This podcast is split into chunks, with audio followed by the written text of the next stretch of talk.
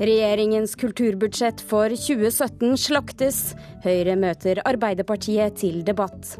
Rolling Stones slipper sin første studioplate på ti år. Singelen får lunken mottagelse. Sutring i kulturlivet, idrettspresidentens kommunikasjonsstrategi og forfatterens rett til å være anonym er tema i Fredagspanelet. Velkommen til Kulturnytt. Mitt navn er Stine Tråholt utrolig svakt, uambisiøst, blygrått. Næringspolitikk er ikke kunstpolitikk.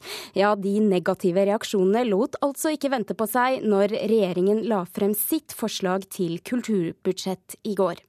Regjeringen satser på kulturnæring fremfor produksjon og visning av kunst. Budsjettet var kulturminister Linda Hofstad Hellelands første. Neste år vil vi bl.a.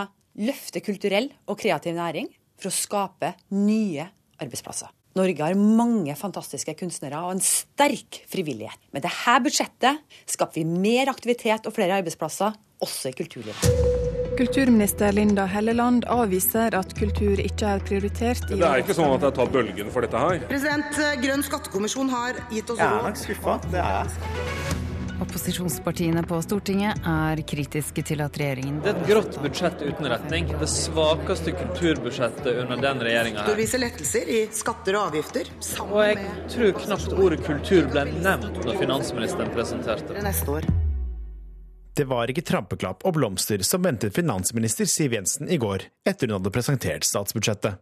I hvert fall ikke fra opposisjon og kulturlivet, som f.eks. kulturpolitisk talsmann i Sosialistisk Venstreparti, Bård Vegar Solhjell. Det er kutt til frivilligheten som er så viktig for integrering. Det burde vært motsatt. Og det er ingen store satsinger på kultur ellers. Så jeg, jeg er svært skuffa over kulturbudsjettet, det svakeste i den perioden her.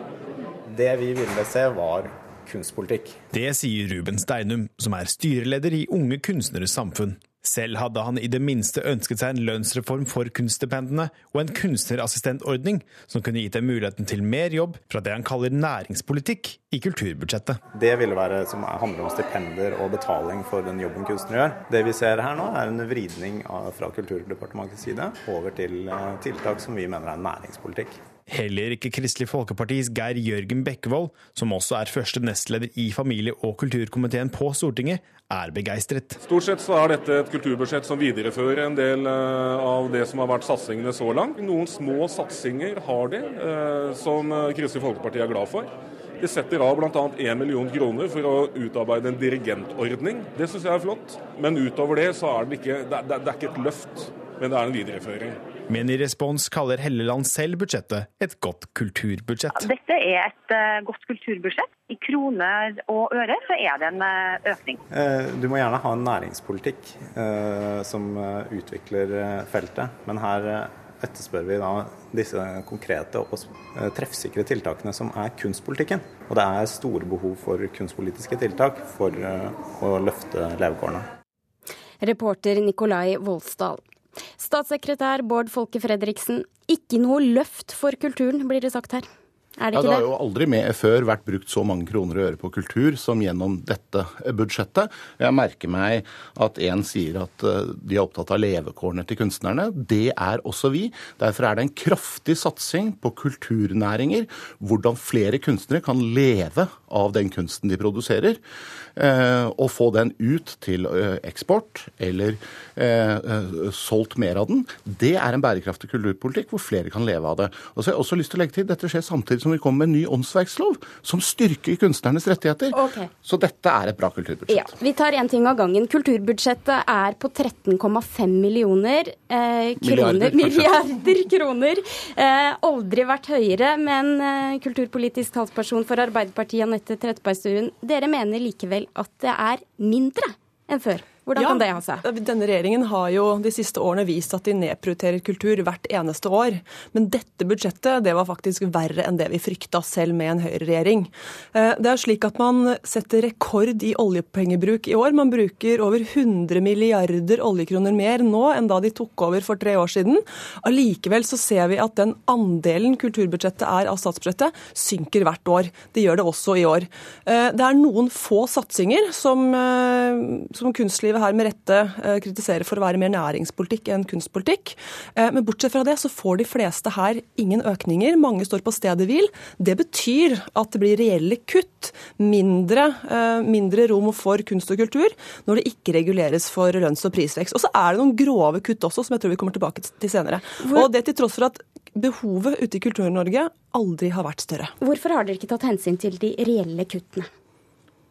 De reelle kuttene. Ja, hvorfor har dere ikke tatt hensyn til pris- og lønnsveksten her? Det er lønns- og priskompensasjon, men som all annen virksomhet så må man knipe noen promiller og produsere det samme eller mer innenfor de rammene. Det gjelder for alle offentlige virksomheter, og det gjelder faktisk også for NRK, som vi skal komme tilbake til. I en tid hvor statens inntekter stuper, så må alle virksomheter klare å produsere litt mer innenfor de samme rammene. Så dette, Men totalt sett også hvis du holder Kirken utenfor, så er kulturbudsjettet større enn noensinne i kroner og øre. Uh, og jeg syns ja. det er litt sånn rart å kalle et kulturbudsjett grått. Fordi 13,5 milliarder til teater, litteratur, film, kino og musikk kommer ikke til å bli et grått budsjett. Altså. Det er å nedvurdere norsk jeg, kulturliv. Jeg skjønner at en høyreregjering som, som ikke prioriterer kultur, er fornøyd med dette budsjettet. Men jeg anbefaler uh, statssekretæren og statsråden når hun kommer hjem, å gå litt ut av sin egen boble og lytte lyttet til reaksjonene ute i kulturlivet. For det er altså ingen som er fornøyd med dette budsjettet. Tvert imot så får vi nå høre at det blir mindre rom for å leve av kulturen rundt om i landet. Mindre rom for å produsere. Det er konsekvensene av dette budsjettet. Og man bruker altså rekordmange oljepenger, men kulturen er altså ikke verdt å satse på i år heller. Vi skal gå litt inn og se på innholdet i budsjettene, og ikke bare det store tallet her. En tydelig retning er at regjeringen ønsker å satse på kulturnæring fremfor visning av produksjon av, og, og, visning og produksjon av kunst. Hvorfor det, Bård Folke Fredriksen? For det første er det feil at det er istedenfor visning og produksjon. Dette kommer i tillegg av nye, friske penger som satser på at kunstnere også skal kunne leve av det de produserer. Vi har hatt et næringspolitisk råd i arbeid som sier at vi har et stort potensial i Norge til å ta ut nye arbeidsplasser også innenfor kunst og kultur. Men flere melder tilbake fra kunstfeltet at f.eks. finansinstitusjoner ikke skjønner kunstnerøkonomi når inntektene kommer. Eh, man trenger mer rådgivning, eh, sier mange kunstnere. Så dette ønsker vi nå å sette på, eh, på sporet og har konkrete ordninger som f.eks. vi skal ha sammen med Innovasjon Norge. Men bare for å rydde opp i det. Kunstnerstipendene, statens kunstnerstipend, det består som før? Nei, det reguleres opp i tråd med forskriften. Mm. Ja, nei, altså Kunstnerstipendene blir mindre verdt i og med at de ikke reguleres med lønns- og prisvekst. Så blir det altså mindre å leve av for den enkelte kunstner. Altså Det er ingen som er imot eh, det nye forslaget og, og tiltaket om, eh, om, kultur, eh, om, satsing på kulturnæring eh, ute i en region. Eh, det som blir en avsporing, syns jeg, er å tro at det skal løse problemet og at det skal skape arbeidsplasser og gjøre noe for kunsten og kulturen. Hadde denne regjeringen vært opptatt av å få fram kulturgründere, at det skulle bli enklere å leve av kunsten og kulturen, at det skulle skapes arbeidsplasser eh, og, næring, kan... og, næring, av kultur over hele landet, så, så hadde man satsa på den brede kulturpolitikken. Satsa på, på kulturpolitikken over statsbudsjettet og brukt de, de, de, viktigste virkemidlene, men som også kanskje er litt kjedelige, da. Og det er kunstnerstipendene, det er de vanlige støtteordningene. Men det nedprioriterer denne regjeringen år for år, også i år. Og da blir 70 millioner til et kulturnæringsprosjekt um, lite verdt i den store sammenhengen. Dette er og blir ord, altså. Når man nå gjentar den feilaktige påstanden om man kutter i kulturbudsjettet, man ikke regulerer opp kunstnerspennene, så blir det bare galt. Det blir ikke riktig Arbeiderpartiet ikke... av at man gjentar det og gjentar feile ting, altså. Vi kommer vel ikke bort fra at kunstnerstipendene de videreføres, men det er i stor grad på samme nivå som i 2016. Og så er det også noe man må se på hva som er behovene og forventningene ute. Vi hadde sett for oss og håpet på en kunstnerøkonomireform der stipendene eh, fikk et løft, og der man innførte nye ordninger som kunne treffe kunstnerne. Det er det ikke spor av. Men tvert imot så ser man at eh, de eksisterende stipendene ikke men, reguleres med lønns- og prisvekst. og det er, Derfor så skjønner jeg at kunstlivet er skuffa. Jeg, jeg har merket til hva en av kritikerne her sa. De var opptatt av levekårene for kunstnere. Det er vi også. Derfor foreslår vi en ny åndsverkslov som styrker rettighetene for kunstnere. Derfor lager vi nå en lånegarantiordning slik at finansinstitusjonene lettere kan støtte også kunstproduksjon.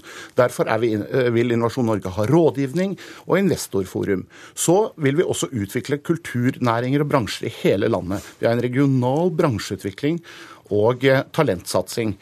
Og dette kulturbudsjettet inneholder nå til sammen er det 50 millioner. Filmfondet har vokst på de siste tre årene. Vi har altså uh, snart 40 millioner til uh, talentsatsing. Ingenting av dette var der da Arbeiderpartiet styrte sist. Så dette budsjettet er også et kunstnerbudsjett og et kulturbudsjett. Det går ikke an å bare spikke på noen desimaler ja, og kalle det kutt, når det er det faktisk det motsatte. Ja, det må man tydeligvis være høyrepolitiker for å mene. For Nei, man kan faktisk lese budsjett. Kunst og kulturlivet er altså uenige, og det skjønner jeg veldig godt. For man satser her ikke på de vanlige virkningsfulle virkemidlene virkemidlene som ville skapt mer kunst og kultur over hele landet. Og med det så gjør vi et hopp til mediepolitikken. Det kuttes 10 millioner kroner, 10 millioner kroner i pressestøtte eh, til avisene i budsjettet, mens NRK ikke får noen lisensøkning. La oss høre hvorfor SVs Bård Vegar Solhjell reagerer på dette. Fordi det nå kuttes i nesten alle medier rundt omkring i Norge. Og medier er viktig for demokratiet, for debatten vår, og for ikke minst kritisk undersøkende journalistikk. Jeg syns derfor det er veldig rart at vi skal svekke både NRK og pressestøtten som går til mange aviser, istedenfor at det tas radikale, nytenkende grep for å styrke mediene. Bård Folke Fredriksen, nå er det tredje gang dere foreslår i statsbudsjettet å kutte pressestøtten. Hvorfor er dette så viktig for dere? Fordi i, i, i 2017 så innfaser vi helårseffekten av at det er nullmoms for digitale medier. Det støtter norske medier med mer penger enn hele pressestøtten til sammen. Eh, og jeg mener også at sammen med den omleggingen av pressestøtten vi har, til at den blir plattformnøytral, så vil den bli dynamisk. Så når vi går ut av 2017, så er sannsynligvis summen mye, mye, mye større, også i vekst. Men nullmomsen er én ting. Nei, men det er ikke én ting, for den er dobbelt så stor som hele pressestøtten til sammen. Så det går ikke an å la være å tenke på den. Og det er i 2017 den innfases med fullårseffekt. Men likevel så ser vi en eh, bransje som eh, er eh, nærmest i De er i en enorm omstillingsprosess. Annonseinntektene, de, de raser. Aftenposten-nyheten kom i går at de skal kutte 40 årsverk. Vil ikke da en pressestøtte gi mer stabilitet? Jo, men det er jo bare en 35-del av hele nullmomsen. Så poenget er at eh, jeg, denne bransjen må gjennom store strukturelle endringer. Det finnes ikke det statsbudsjettet i verden som kunne løst pressens problem, verken i Norge eller andre land.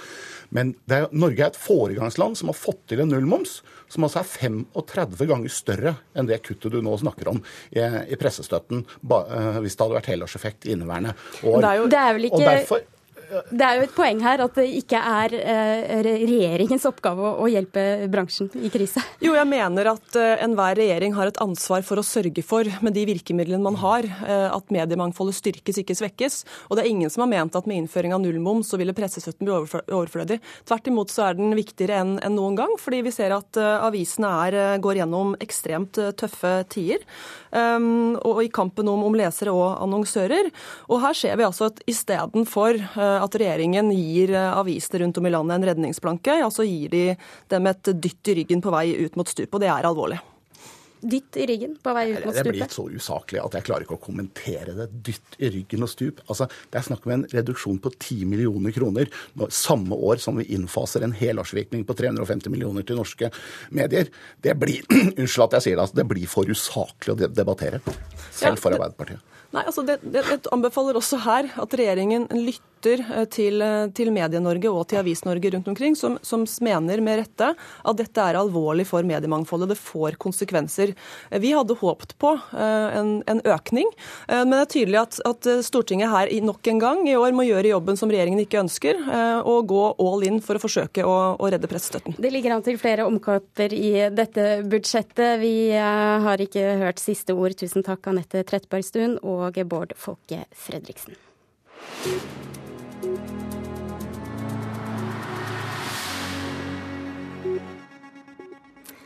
Avisene er også selvsagt fulle av eh, kulturbudsjettprat i dag. Men hva ellers i kulturverden har skjedd i de siste timene, reporter Oddvin Aune?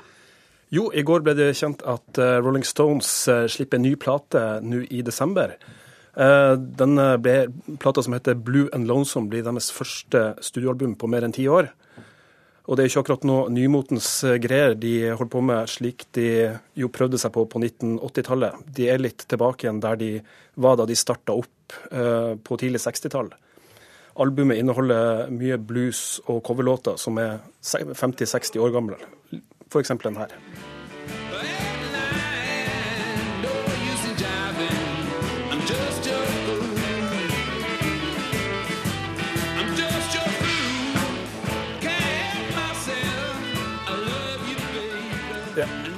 Det var jo nettopp slik de starta karrieren sin, med å spille 50-tallsblues som andre hadde skrevet. Og på den nye plata så er det lova en eh, ganske løssluppen eh, innstilling til det hele. Eh, plata er spilt på tre dager, og det er ganske likt sånn som man gjorde det på eh, tidlig 60-tall. Hvordan har reaksjonene vært? Litt likegyldig. Det er ikke akkurat sånn at internett koker over, over av reaksjoner. De slapp låta 'Just Your Fool', som vi nettopp hørte nå i går, og VGs anmelder Morten Ståle Nilsen kaster en treer på terningen. Han mener at låta er litt seigere og litt mer sidrumpa enn den originale versjonen var. Og eh, han mener at som en kort forsmak så er den låta her helt OK, småartig, men ikke noe mer. Tusen takk, reporter Oddvin Aune. Hører, på, du hører, altså på Kulturnytt, og klokken er 19 minutter over åtte. Og dette er nyhetsoverskriftene denne morgenen. Det er unntakstilstand i flere amerikanske delstater. Orkanen Matthew feier snart inn over land. Klokken 11 får vi vite hvem som får Nobels fredspris den 10. desember. Og flere tusen arbeidsplasser kan ryke med ny finansskatt. Det advarer næringen selv. Velkommen, kjære fredagspanel, som i dag består av eh, fotograf Sef eh, Wesenberg, regissør Marit Moum Aune og teatersjef ved Den nasjonale scene Agnete Haaland. Vi kan jo ikke gjøre oss helt ferdig med kulturbudsjettet ennå, for det har, som vi har hørt, skapt stor misnøye. Blygrått, utrolig svakt og uambisiøst er ord som blir brukt. Og når kritikken er så voldsom, så må man jo spørre. Sutrer Kultur-Norge igjen nå, Marit? Nei, ikke foreløpig. Agnete? Nei, vi sutrer ikke. Vi er tvert imot glad for mye av de pengene som kommer. CF Wesenberg. Ja, det skulle vel bare mangle. OK. Hvorfor? Eh, alle i opposisjonen som får for lite penger, vil jo sutre. Fordi de ikke får eh, alle, Jeg har aldri møtt noen som mener de får nok penger. Agnete, er det nok? Altså, hva er nok? Først vil jeg si en ting. for at Vi har fått på nasjonale scener fått 119,5 million, og det er selvfølgelig noe vi er ekstremt glad for og skal bruke veldig klokt på å skape masse bra scenekunst.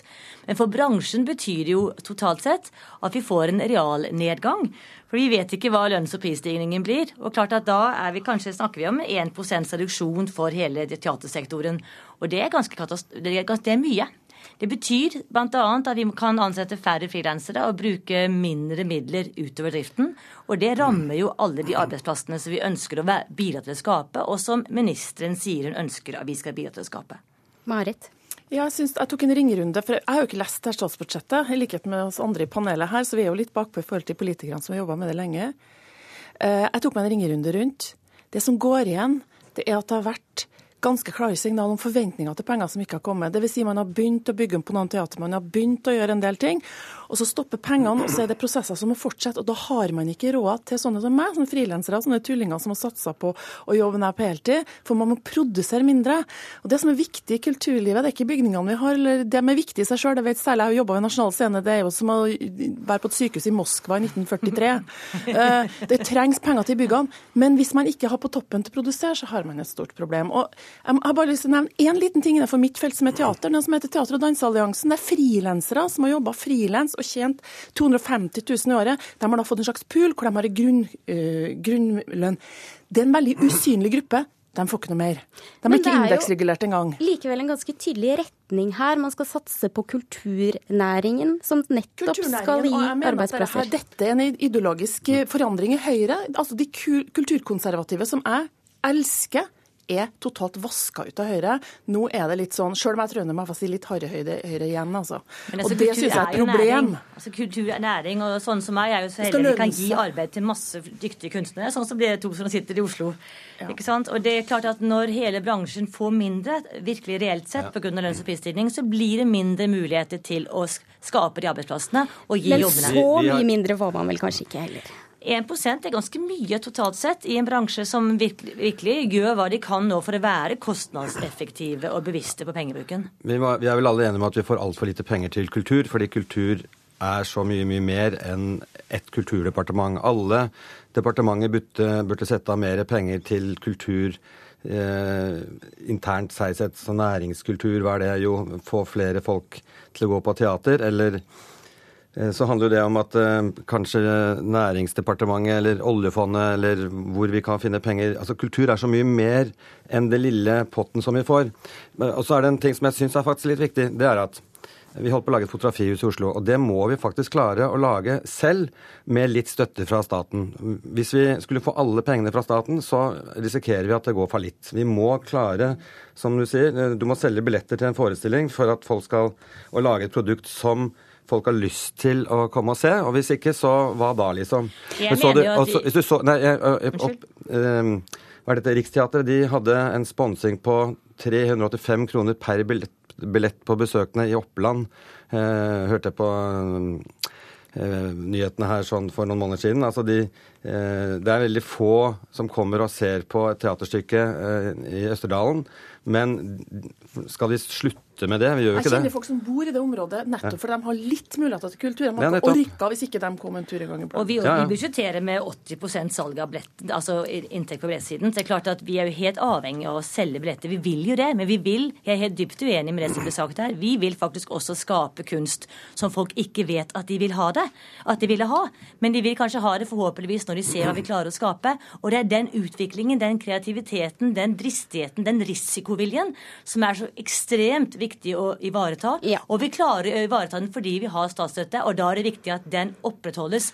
Tiden flyr her. men støtte- Tiden flyr, vet du hva. Vet du hva, jeg må tillit, ja. skjære igjennom, eh, for tiden flyr. Jeg har så veldig lyst til at vi skal snakke litt om eh, kommunikasjonsstrategien til idrettspresidenten. For han kom i denne uken i, i klemme da han ikke klarte å svare direkte på et enkelt spørsmål fra Dagsrevyen. Kommunikasjonsstrategien syntes å være å gå rundt spørsmålet og heller gi det svaret man hadde bestemt seg for på forhånd. Og dette er en metode som har vært fremmed, eh, fremmet i årevis av bransjen. Har den spilt fallitt? Ja, i hvert fall på direkte TV. Det er pinlig og repatetisk. Altså, man kommer lengst med å fortelle sannheten. Og det er klart at eh, det her er bare sikkert at man bare gremmes når man ser på det. Her står foreldre og selger vafler og pølser, og staten er inne med midler. og så kan- klarer ikke å gjøre rede for hva de faktisk brukes på. Jeg syns det er virkelig, virkelig patetisk. Damene her er enig, men vi har ikke fått høre ditt svar ennå, CF. Er det Metoden har ikke spilt fallitt, fordi vi hørte jo nettopp to politikere stå her, og de er jo kjempeflinke. De kunne jo blitt idrettspresident begge to, og så kunne han blitt eh, statssekretær eller hva som helst. Men eh, han er vel bare Tom Tvedt er jo litt overmedietrent, og kanskje han burde ta med medietreneren sin til legen og sjekke hvor mye astmamedisin han tar. Kanskje man bør begynne å snakke litt sammen og si at, fortelle det som er virkeligheten. Det er jo det som må- måte spørsmålet handler om. Men altså det å stå fritt i media handler også om hvor mange du representerer. Når han er bundet på hender og føtter av veldig veldig mange som han skal stå til rette for etterpå, så er det klart at en fri eh, oppførsel på en dagsrevy og en veldig god journalist som møter en, em, det er jo ikke teknikken rundt intervjuet som er problemet, det er jo idrettspolitikken som er problemet, og som gjør at han får lite troverdighet. Men Agnete, det er jo ikke noe hemmelighet heller at det har vært eh, vanskelige saker også ved ditt eh, teater, eh, hvor media har vært på. Vi trenger ikke gå inn i den konflikten som dreide seg om mellom de ansatte og en direktør der. Men hva slags metoder har du selv da måttet bruke for å håndtere denne saken? Jeg er opptatt av at vi skal være totalt transparente. Vi forvalter offentlige midler, og vi skal gå ut med alt det vi kan gå ut med. Men personalsaker, det skal vi ikke gå ut med. fordi at der skal alle som jobber på teatret, vite at de har en beskyttelse. Men det er klart Der hørte, jeg, der hørte jeg medietreningsstemmen slo inn. Det sa en sånn klikk inni der, og så hørte jeg at det har du sagt mange ganger før. Ja, og det er faktisk helt sant. Jeg mener det av hele mitt hjerte Ja. at personalsaker har ingenting i offentligheten å gjøre. Men pengebruken, det er et offentlig anleggende. Fordi vi forvalter offentlige penger. Er det en forskjell på dette, CF? Nei, det er det ikke. Hun har helt rett. Hun har helt rett. Ja. Jeg mener det. Jeg snakker, det snakker om Ja. Man snakker om en moralsk verdi her. Ok, Da går vi videre til eh, Elena Ferrante. I 25 år så har hun skrevet sine suksessromaner under pseudonym. Dvs. Si, Elena Ferrante er pseudonyme. Og nå mener en gruppe gravejournalister at de har funnet ut hvem Ferrante egentlig er. Kritikere mener at opplysningene vil bidra til å ødelegge vår glede og forståelse av Ferrantes romaner. Er dere enig i det? Agnete først. Nei, det er jo et utrolig påstand. Kvalitet er jo kvalitet, og jeg har selv lest bøkene med stor interesse. Og gravejournalistikk må jo handle om noe annet enn å grave i hvem forfatteren er, hvis vedkommende ikke ønsker å stille opp i talkshows og være veldig synlig. Marit? Altså, jeg, har, jeg må innrømme jeg har ikke lest de bøkene, men jeg må jo si det at eh, jeg forstår mysteriet ved å lese bok man ikke aner hvem som har skrevet. Utrolig befriende. Jeg har også en roman jeg har lyst til å skrive. Den skriver jeg bare under pseudonym. Det kan være lov i hele verden. Og hva mener du, Siv? Nei, altså da jeg, leste, jeg har lest alle Morgan Kane-bøkene, og da jeg skjønte at det var Kjell Halbling som hadde skrevet det, og ikke Louis Masterson, da sluttet jeg med en gang, midt i boka. Altså nå skal jeg ikke lese mer, fordi han er jo en kjedelig norsk mann. Men det er jo utrolig eh, provoserende, det, den, eh, den forfølgelsen de eh, har gjort av denne forfatteren. Eh, Det er jo helt klart at i ethvert forfatterskap står helt fritt i om man vil stå frem eller ikke om det, og, og typisk veldig polar... Altså, det, det, Du, du ber jo om det selv da, når du skriver under si, falsk navn. Altså, det er som å gå på Karl Johan med en, en papirpose over hodet og klippe to hull til øynene. Alle blir nysgjerrige på hvem du er. ja, men du river ikke folk av en nikab hvis de velger å gå inn, vet du. Men energien som er brukt på å avsløre det, er jo litt voldsom. Altså, Hadde hun unndratt skatt, eller hadde hun vært kriminell, så kan jeg forstå at man skal virkelig jobbe for å avsløre.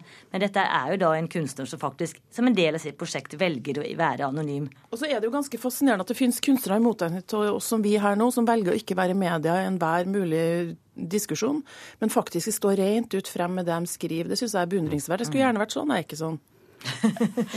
Marit Moum Aune, regissør, fotograf CF Wesenberg og teatersjef ved Den nasjonale scene, Agnete Haaland. Takk for at dere utgjorde Fredagspanelet denne fredagen. Produsent for Kulturnytt i dag var Gjermund Jappé. Nå får du snart Dagsnytt her i radioen.